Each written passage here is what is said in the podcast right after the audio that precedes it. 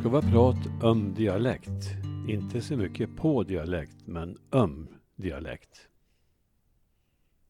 Nya Värmlandstidningen den 12 i fjärde 2014.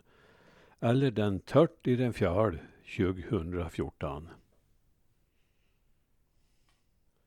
Är dialekterna dömda att försvinna? Ja, nog tyder mycket på det. Men å andra sidan spådde självaste Gustaf Fröding det värmländska tungomålets snara död. Och där fick han fel. En motverkande kraft är värmlänningarnas stora intresse för folkmål och statusen tycks ha höjts under de senaste åren. Det hör man på skolgårdarna där svenskan helt höll på att ta över en period. Försvenskningen fortsätter absolut, men kanske inte med samma styrka som för ett par decennier sedan. Idag anses man inte automatiskt som korkad bara för att man talar dialekt.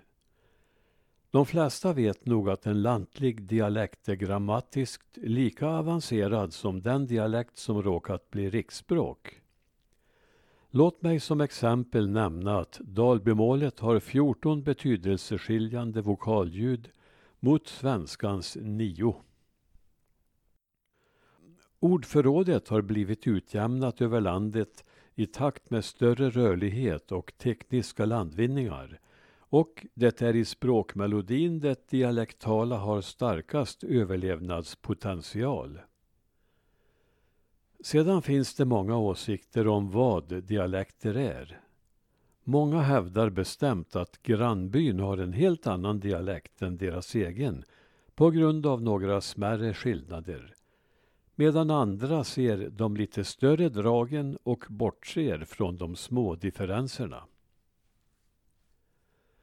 Egentligen har båda sidorna rätt, men själv sällar jag mig helst till den senare gruppen.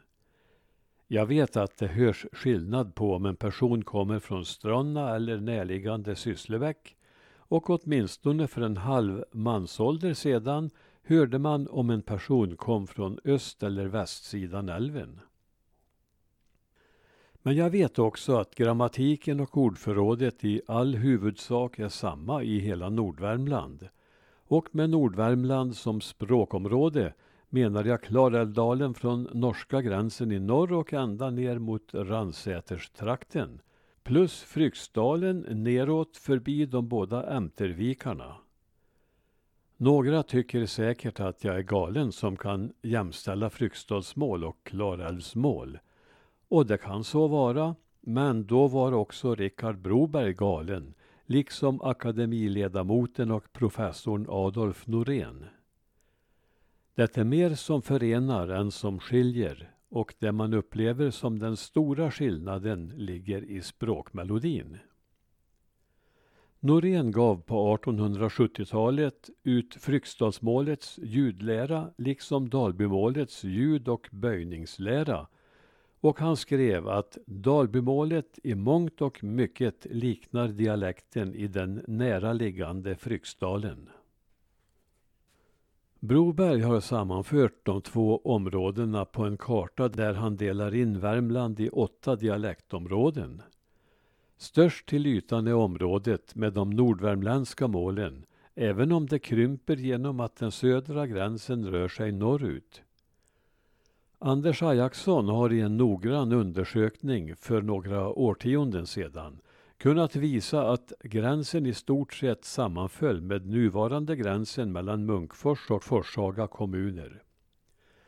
Mina sagesmän i Fryksdalen, Per Larsson i Västra Ämtervik och Kjell Sundström i Östra Dito, förlägger gränsen ungefär dit där Sunnes och Kils kommuner möts.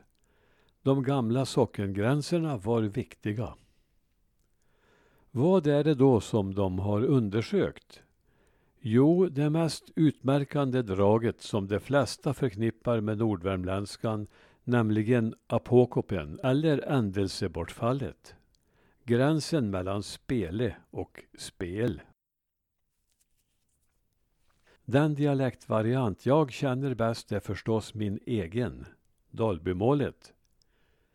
Med eget tidsperspektiv på över 60 år och med studier av Noréns intressanta bok där han beskrev det Dalbymål som talades för snart 150 år sedan ser man klart att mycket har förändrats.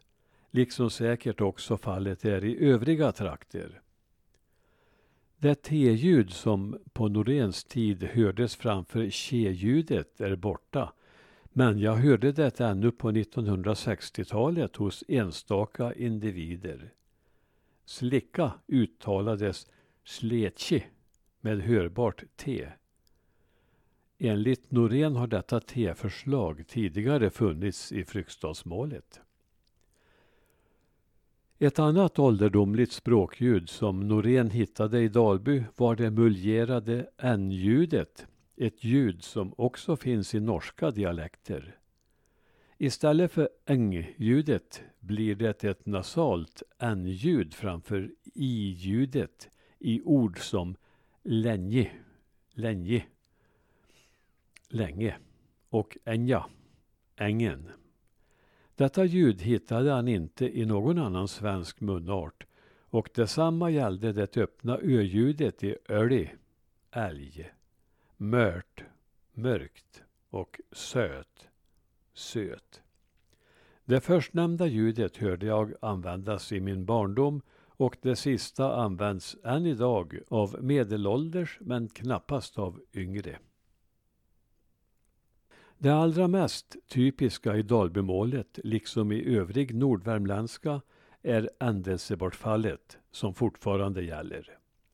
Ett annat utmärkande drag som levat kvar i Dalbymålet är ä-ljudet som bland annat finns som ändelse i vissa verb och pluralformer. Pojke som leke. Pojkar som leker. Frågeorden hönt, hör, hört, höcken, höss, höffer används än men inte lika självklart bland yngre. Genitivformerna är moderniserade från Noréns tid. Ägandeformen uttrycktes då med att, som i skjorta atten Bengt eller boka atto Ingjald. Det kunde också sägas skjorta Hass Bengt och boka hennes Ingjald. Vår pojke kunde sägas Gössen von. Bestämningarna han och hon föregick också namnen. Berg har försvenskats till berg. Sörri till sörj och varg till varg. De gamla namnformerna likaså. Hölli sa man förr om Helga. Ingjald, Ingegärd. Kerste, Kerstin. Kare, Karin. Hocko, Håkan.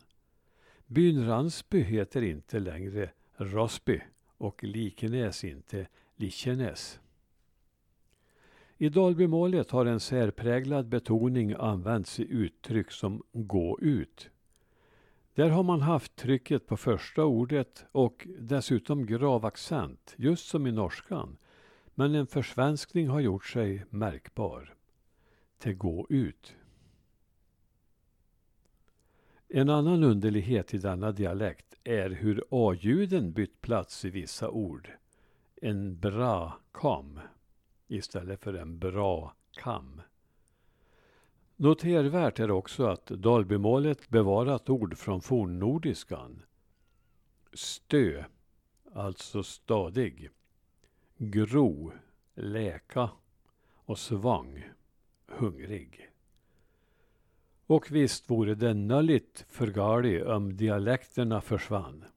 De hör till våra äldsta fornminnen och liksom fysiska sådana måste de skyddas. Ett förnämligt arbete i den vägen utfördes i mitten av 1900-talet av Carl Larsson Bergqvist och Jakob Jakobsson då de skapade den högt prisade Dalbyordboken Bäst i sitt slag.